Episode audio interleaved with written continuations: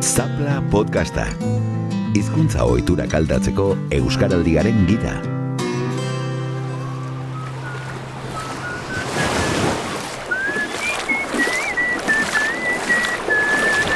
Ara, egun hon, bikote, zer moduz? Egun aldi goxoa gaur, eh? Agor, bai. Ze demontri pasatzen zaio horri? Irriparra hotik endu gabe dabila espaldian?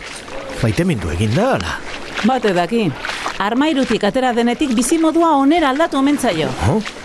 Nekien erreprimituta bizi zenik? Bai, antza. Baina hizkuntzaren armairua zari naiz motel. Euskara zuen eskutatuta orain arte. Oh? Bigarren atala. Euskaldun baten hizkuntza bidaia.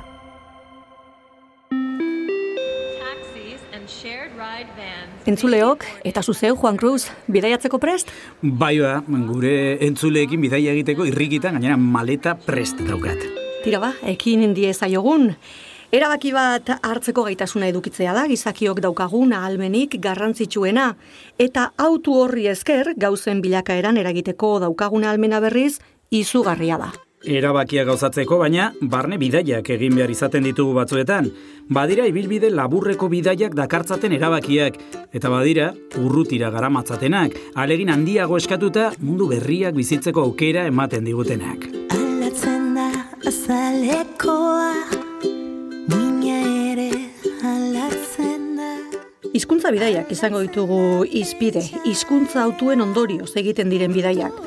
Ez dira beste bidai batzuekiko oso ezberdinak behar bada, baina hizkuntza bidaiek badituzte ezaugarri propioak ere. Inertziak astintzeak, oiturak aldatzeak, ahalegina eskatzen duen prozesu badakarte. Kontzientzia horrekin abiatu behar da bidaia. Bidean oztopoak aurkituko ditugula jakinda, baina batez ere, bidea gozagarria ere izan daitekeela sinetxita. Bidean garaipen txiki asko bizi eta ospatuko ditugu, eta topatuko ditugun oztopoetatik ikasi eginen dugu, bidaia indar handiagoz jarraitzeko. Bidelagun egokiak izatea ere garrantzitsua da, hizkuntza ohiturak aldatzeko konplize izango ditugun solaskideak, gure erabakiei eusten lagunduko digutenak. Adituek bidaia bitakora bat alboan izatea ere gomendatzen digute, bidaian bizi ditugunak jaso eta partekatzen lagunduko digun kuadernoa. Euskararen aldeko hizkuntza autua egin dutenei zuzendutako Euskaldun ahalduntze eskolak aipatuko ditugu gaurkoan. Bidaia egiten laguntzeko sortu diren guneak. Beraz, ongi etorri gure bidaiara, bagoaz! Zapla. Imanol Artola Felix, Galtzaundi Euskara Elkarteko eragilea aktibazio proiektuetan, iznet hizkuntza plangintzaren gradu ondokoa eginda, sakontzela modura, ikerketa egin zuen Euskaraldiaren bigarren edizioaren bueltan. Izenburua, Euska Alduntze taldea sortzen, tokian tokiko Euskara Elkarten zeregin berria. Ongi etorri Felix. Eskerrik asko. Aizu Felix, e, Euskaldun ahalduntze eskolak martxan jartzea proposatu zenuen 2000 eta hogei urtean tolosaldean egindako esperientzian oinarrituta. Ze ekarpen, egin diezaioke alako eskola batek hizkuntza ohiturak aldatzeko erabakia hartu duen e, iztunari.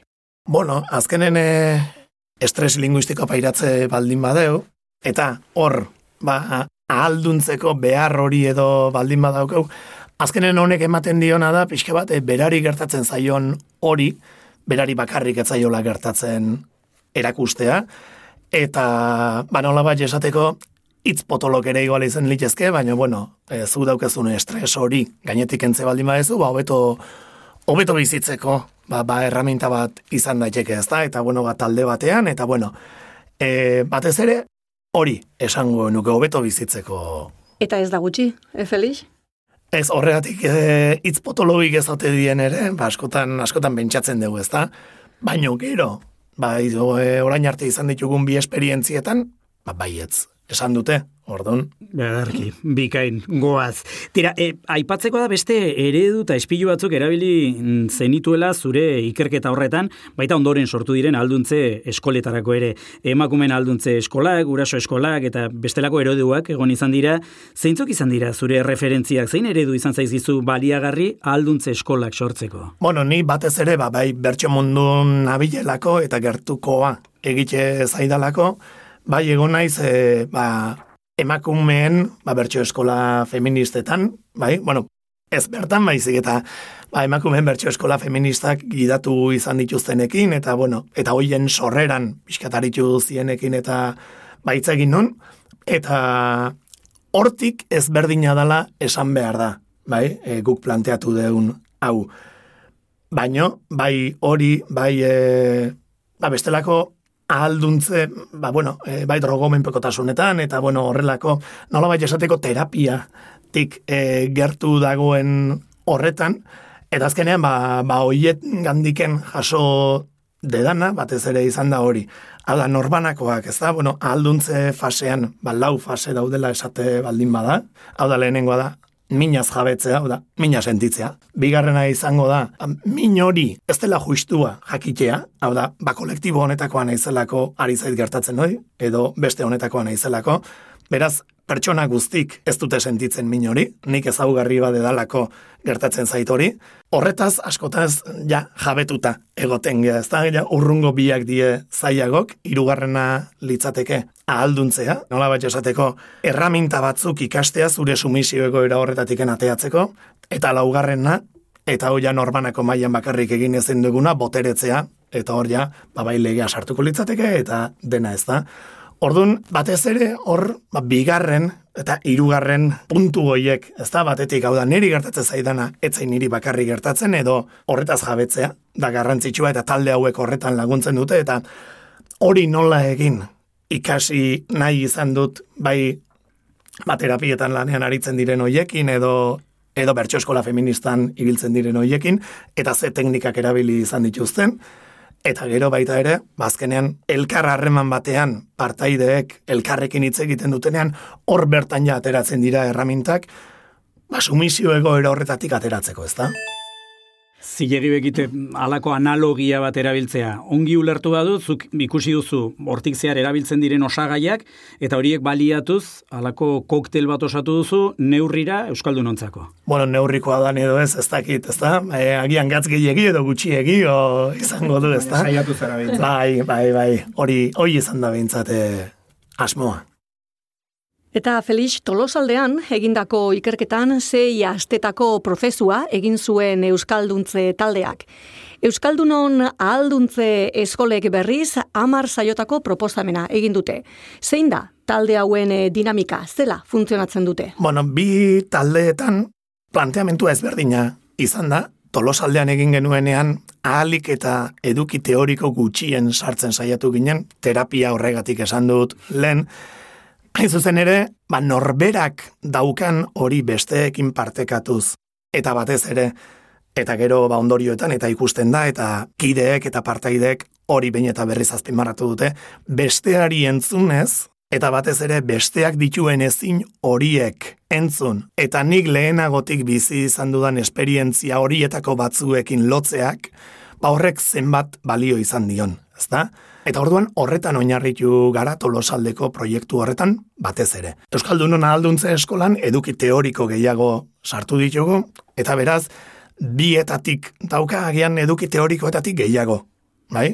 Orduan, ba, azkenean, baina beti eunekoak naiz eta aldatzen diren, beti izaten da, bueno, zer moduz etorri gara saio honetara, ondoren bakoitzak etxeko lanak beti jartzen ditu, edo bueno, azken astean izan dituen gora Bueno, hor dinamizatzaileak pixka bat xaxatzea, galdetzea, agian garatu gabe utzi duen horretan, ezta, galderak eginez aldela behintzat juzkuri gabe, galderak eginez eta bera epaitua sentitu gabe bere barruan bizitzen duen hori papartekatu dezala, erronda bat egin horrekin, eta ondoren ja, ba egun horretarako aurre ikusetako eduki teorikoak landu, eta ja pixka bat, ba bueno, aurrengo astera begira, ze etxeko lan jarriko ditugu, Bai? Eta gero ja baurrungo saioan zer emango dugun pixka bat kontatu. Hori izan da saioen planteamentua, ba esan dakoa, ba tolosaldean egin genuenean, norbere esperientzia kontatzeak zatia handiago hartu zuen, eta Euskaldun alduntze eskolan berriz, ba eduki teorikoek. Ez eta tolosaldeko lehen Euskalduntze talde horretan, ze profil zuten partaideek zen helbururekin hurbildu ziren talde horretara? Nahiko nukleokoak zirela esango nuke. Nukleo gogorrekoak, erra nahi bai. Bai, bai, e, ba, bai galtzaundiko zuzendaritzakide bat bazegoen, Euskara teknikari bat ere bai, gerora berriz ba, galtzaundiko zuzendaritzan sartu den besteren bat ere bai, eta gero bazeuden beste pare bat, ba, Euskal Gintzarekin hainbeste harreman ez zutenak ere bai, ezta?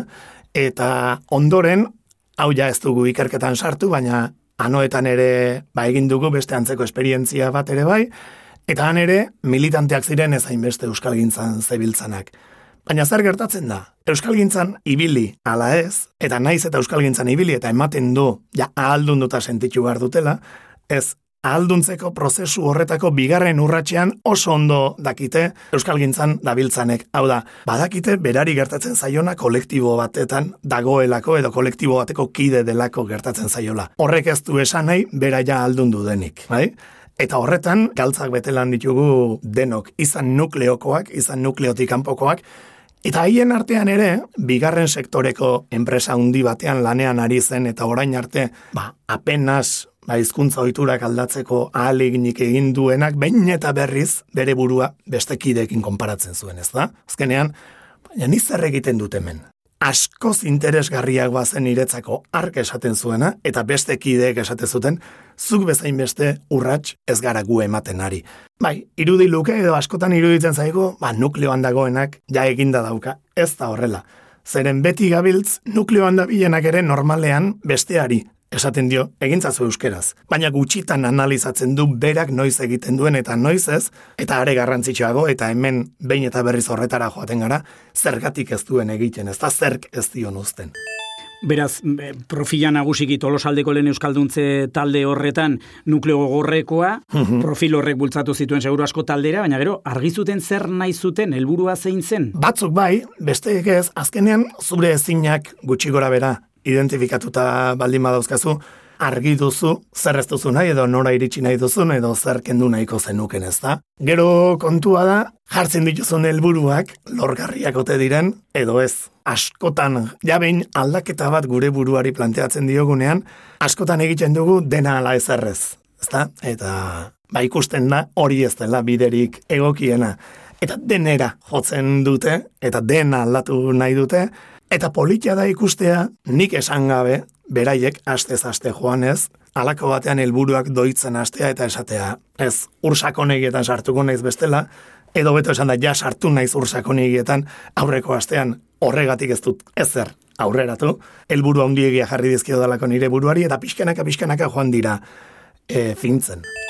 Hain zuzen, Felix ikerketaren ondorioen artean, adirazten da partaiden helburuak doitu. Egin zirela taldearen dinamika aurrera joan ala, ezta? E, ze aldaketa ikusi zenuten prozesuan? Bueno, bakoitzak bere aldaketak ematen ditu ez da. Helburuetan hori, esango nuke. E, helburu maximalistak jartzetik eta zehaztu gabeko helburuak hau da. Banik hemendik aurrera denei egingo diet lehenengo hitza euskaraz edo nik hemendik aurrera ba, alako perfiletako jendearekin eta gainera normalean etxeko lan bat baino gehiago hartzen zituzten, ezta? Askotan ongi ikusi gabe datozen zazpi egunetan zinekin egongo ziren.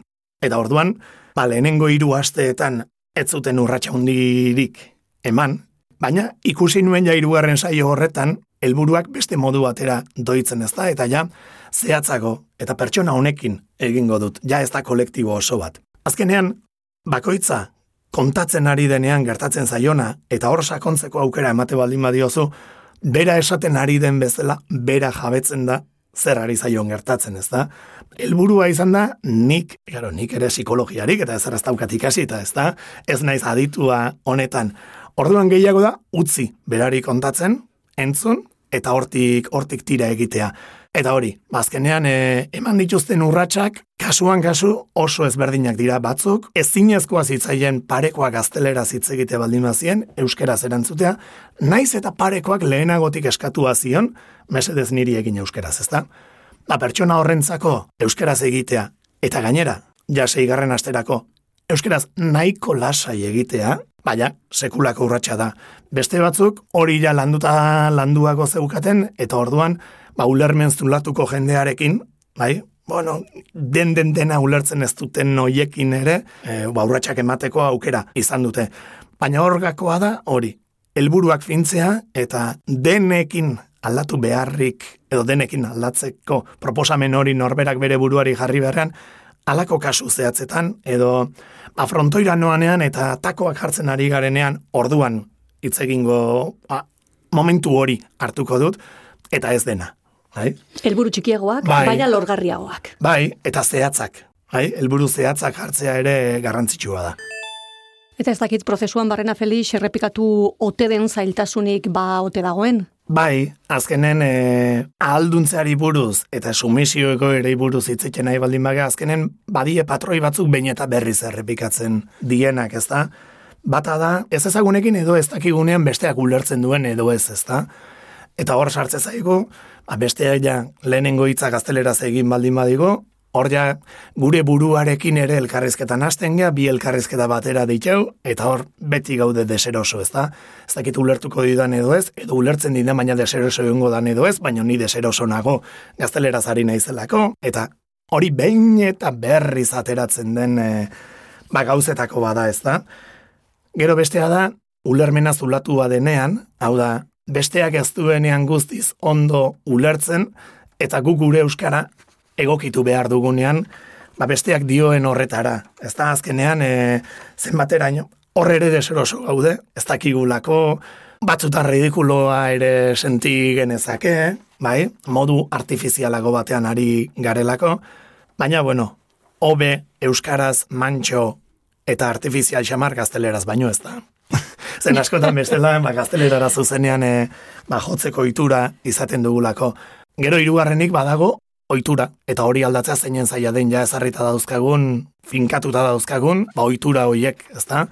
E, nik pertsona baten aurpegia ikusten dudanean, ja zuzenean euskaraz edo gazteleraz aterako zait, nik nenorek hori zenbat kostatu zaidan, baitanoarekin edo beste gauza batzuekin ere, eta gero hor badago beste bat, en botere posizioan ote gauden, edo sumisio egoeran sentitzen ote garen. Guztiok sentitzen dugu legitimitatea, aurrei euskeraz egiteko. Botere posizioan sentitzen gara aurren aurrean, eta orduan euskeraz egiten diegu naiz eta eurek gazteleraz erantzun. Etorkinekin ere askotan uste dut, edo justu ikusten dugunean, e, hor ere antzeko jokatzen dugu. Hau da, berrogei urte hemen daramatzan eta euskera ikasi ez duen batekin ez gara oldartzen, edo ari ez diogu hainbeste esigitzen, eta duela bi urte etorri den e, supermerkatuko langile etorkin edo pertsona arrazializatu horrekin, lehenago sumintzeko edo lehenago erakusten dugu gure, bai? Eta bestaldera, nire enkargatuarekin nola egingo dut ba beste hizkuntza batean, ez da nik nola ezarriko dut ba beste, beste hizkuntza bat. Orduan, e, lau patroi hoiek behintzat, e, behin eta berriz, ba, atera dira, ez da? Eta hor, e, nik uste dut, urrats berriak emateko garaian, badagoela e, empatia sentitzearen, hau da, beste hau, ba, ulermen zulatuaren kasu horretan, eta hor, ba, empatia behin eta berriz azaltzen da, baino empatia sentitzearen eta e, sumisio egoeran ez jartzearen arteko marra fin bat da, bai? Eta ea, hor, hor asmatzen dugun, zeren uste dut, etorkizunera begira, e, belarri asko ditugula, e, eta azkenean lehenengo inputak sartu behar ditugu ondoren outputak egoteko, eta lehenengo eta behin egin behar duguna da, bi hizkuntzateko elkarrizketak aurrera eraman, eta hor, ulermen hori, zenbat eta input gehiago izan, ulermen hori garatu dezan, hor badugu empatikoak izan behar gara, baina, bueno, bagian, irriparrez, baina euskaraz jarraitu behar dugu, ezta? Felix, eh, ni neu ere enaiz inondik inora aditua psikologia kontuetan, alata guziz ere, ausartuko naiz erabiltzera, zuk erabili duzun kontzeptu bat terapiarena, ezta? Hemen badu eta bere garrantzia talde terapia izateak, zure hizkuntza bidaia konpartitzeak, eh, bueno, antzeko prozesu batean daudenekin, ezta? Bai, e, eta hori da gakoa. Eta horretan sinestu dugu, eta adituak ez garenez horretan jarri dugu indarrik handiena. E, talen esan dudana, azkenean, jabetzea besteari entzunez, eta izan, e, ba bestean nukleoko goa, izango da, zu gutxiago sentituko zara edo ez, baina ikustea, zugandik ezberdina den horrek ere, zailtasun berberak dituela, eta naiz eta teorizatuko duen modu batean edo bestean, ba, urratxak emateko agian, ba, zailtasun gehiago ditu, edo, bai, orduan, e, besteak entzunez, zuri zer pizten zaizun, barruan, hori dagakoa hortik, eta besteak entzunez, bestearengan oso erraz ikusten dugu, ba, Juan Cruzek modu honetan e, zuzendu beharko luke, ezta? Behin bere esperientzia entzundakoan. Eta orduan gero hori zuregan aplikatzea, eta noiz noiz oso politia izan da baita ere elkarrizketak sortu direnean. Bai? E, norbaitek zerbait esan, eta besteak erantzutea. Zuk esan duzun horretatik, neri hau eta hau gertatu izan zait, eta hor, ba, inoiz gainera soluzioren bat egon baldin bada, oso ondo. Horreten gabe nik, bai sartu behar izan dut, juzkurik egon etzedin. Hau da, interakzioak oso ondo daude, baina interakzioak ez dituzela izan, baina zergatik ez duzu tipo horretakoak ez izatea, ez da? Hori garrantzitsua da. Inungo momentutan ez juzgatua sentitzea. Ba, gizu zertaz jabetu naizen, Felix. Auskalo. Bada, prozesu gogor batzu ez ari garela, baina etengabe aurpegian irribarrea euki duzula eta begiek dirtire egin dizutela. Seguro asko, zabaltzen ari zaren edo ari garen bidea emankorra iruditzen eh, zaizun seinale. Bai, e, nik zenbat ikasten dudan besteak entzunez, e, hori nik bakarri dakit, ez da? Eta zenbat balio didan neri ere, besteak entzuteak, nik ere nere gauzak partekatu izan ditut saio horietan. Bai? Neretzako ere alduntze eskola bat izan delako. Eta gero, ba, sinestutan nagoelako, en, bertsonari tekla egokia ukitze baldin badiogu edo asmatze baldin badugu tekla hori ukitzen, hortik ja hizkuntza ohiturak aldatzen hasiko dela. Zein den tekla hori, ba, nik uste dut deno leku ezberdinan daukagula, eta horregatik badituak bagina, ba, ba hobelitzateke ez da, baina bueno, en azkenean honen helburua bada, bueno, en, badaude teltailerrak, badaude adituak, baina euskera elkarte txiki bat sortu nahi baldin badugu. Eta ba kontu handirik ez baldin badaukagu behintzat, zer egin behar dugu, ezta? Eta orain arte, Euskal Gintzan egin duguna izan da, Venga, egintzazu euskeraz, eta beti bestea xaxatu eta kuiuarekin kalean zehar ibili, ezta? Bueno, izan liteke hori gauzak egiteko modu bat, baina izan daiteke baita ere, bueno, euskeraz egintzazu, baina posible alda. Edo zailtasuna dituzu. Eta eskatzeaz aparte, eskaintzea eta gure barrua goxatzea ere nik uste dut garrantzitsua dela. Bestela etengabe gaude, Euskaraldia joan eta Euskaraldia etorri edizioak jongo zaizkigu eta edizio berriak etorriko zaizkigu, baina urratsak emate espaldin baditu jendeak, jendeak hau bizi txapa jartze baldin badu, baina gero ezin baldin bada hau bizi izan, hor zerbait erraminta bat eman behar da.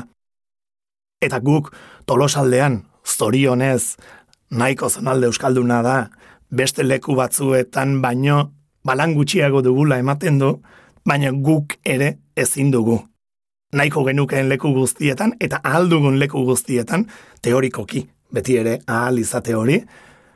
Orduan, e, gure gandik ikusi duguna izan da, ba, hemen goxatu beharra dauzkagu gure barruak, ez hainbeste juzgatu, ez hainbeste, e, baina zergatik ez duzu, ez, baizik eta galdera bera, baina tono askoz suabeagoan ez da, zergatik ezin duzu. Eta utzi barruari hitz egiten, eta hortik, eta ni behintzat besteak entzunez nigan urratsak ikusi ditut. Eta gero, ba, partaidek ere esan dute. Adituak behar ditugu Felix, baina arituak errez ere bai, beraz, behondo izuela. Eta guk asko goxatu dugu, zu entzuten ere, mila esker, alduntze eskolen esperientzia gurekin eta gure entzulekin partekatzeagatik, eta ondo segi. Eskerrik asko zuei eta nahi dezuen artean. Zapna.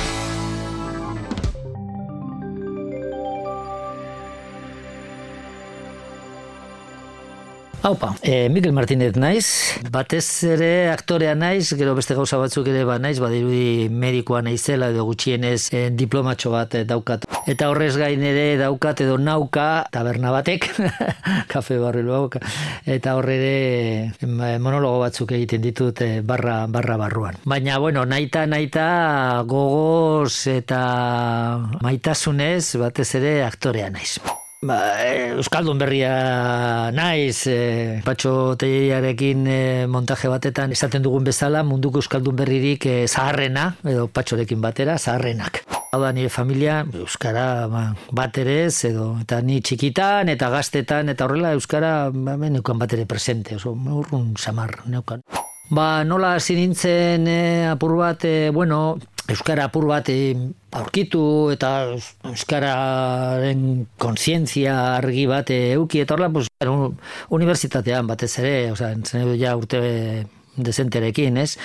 Hoxe, lehen esan duan moduan, ba, behin medikuntza ikasi nuen, eta hor, pues, bueno, unibertsitateko pues, mobidetan, jendearekin, eta tal, ez ikusten duzu, oino, hor dagoela, ba, hoxe, euskara, eta ez tekiz eta eta, bueno, hortxe bertan, e, ba, medikuntza eskolan, e, medikuntza fakultatean, ere, pues, bueno, ba, antolatu zen, e, vamos, guztiz, e, ezen bat ere, legala edo esan idut edo babestuta edo horrela baizik eta iniziatiba ikasle iniziatiba baten bidez eta horrela pues euskarazko klaseak eman eta horrela nintzen, ez? Aspalditxoan.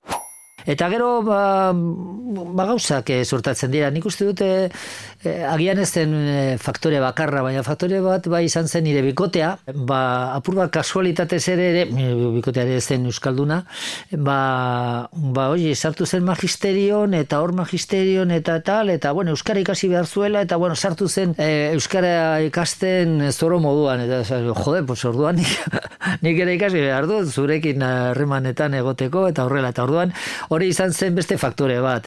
Urte batzukin, hogeita, ez dakit, zazpi, zazpi edo zei, o zazpi urteekin eta horrela, ba, sortatu zen, ba, sartu nintzela, bueno, antzerkian, sartu nintzen eh, pues, eh, lagun baten bitartez, maskara da antzerki taldea, oi, ez, ba, lagundua, pues, ba, noa laguntzera, ba, ez dakiz zer, eta horrela tontamentean, hasi nintzen, e, ba, antzerkia egiten, eta maskara da, oso denak euskaldun berriok e, ginen ez euskaldun euskaldun berriak izateagatik oso oso zer, euskara utxetz egingo du antzerkia eta listo. Baina bueno, ba zuazki pues antzerki antzerki talde profesional, leningo antzerki talde profesional edo euskara utxetz egiten zuena izango ginen gutxi gora bera, ez?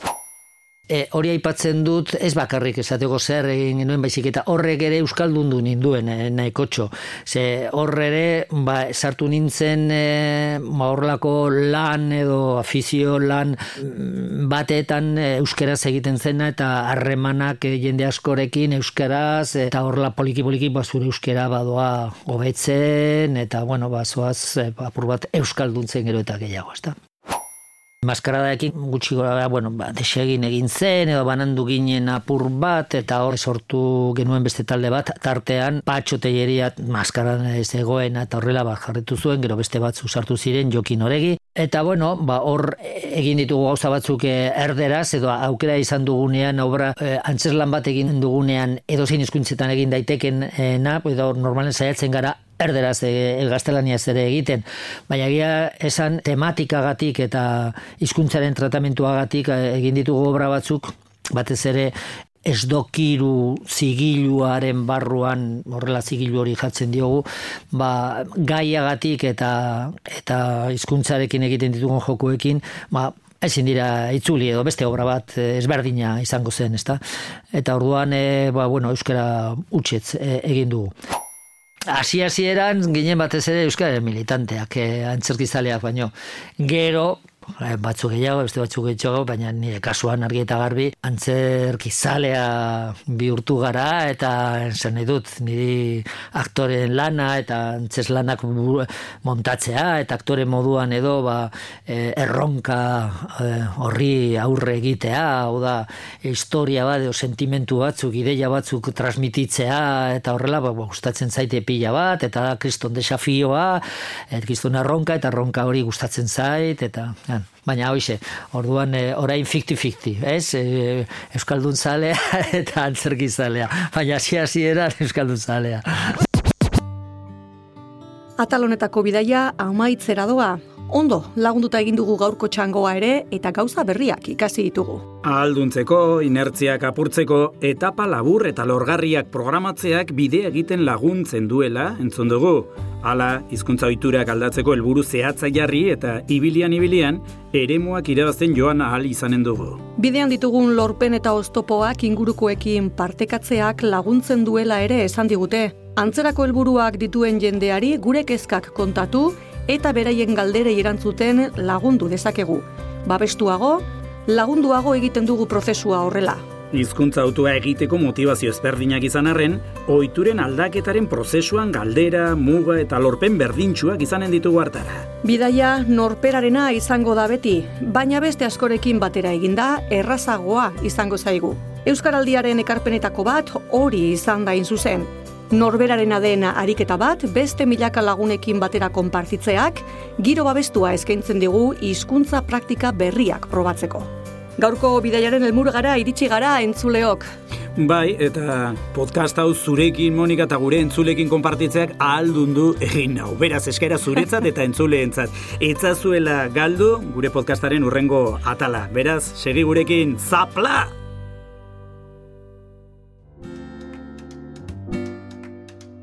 Zapla podcastaren bigarren atala entzun duzu. Monika Belastegi eta Juan Cruz Lakastak gidatuta Euskaltzaleen topaguneak eta Euskaraldiak sortu dute EITB podcastentzat, ekoizpena online. Aktoreak Xabier Alkiza, Iñaki Beraetxe eta Ainoa Ayerbe. Soinua Iñaki Beraetxe.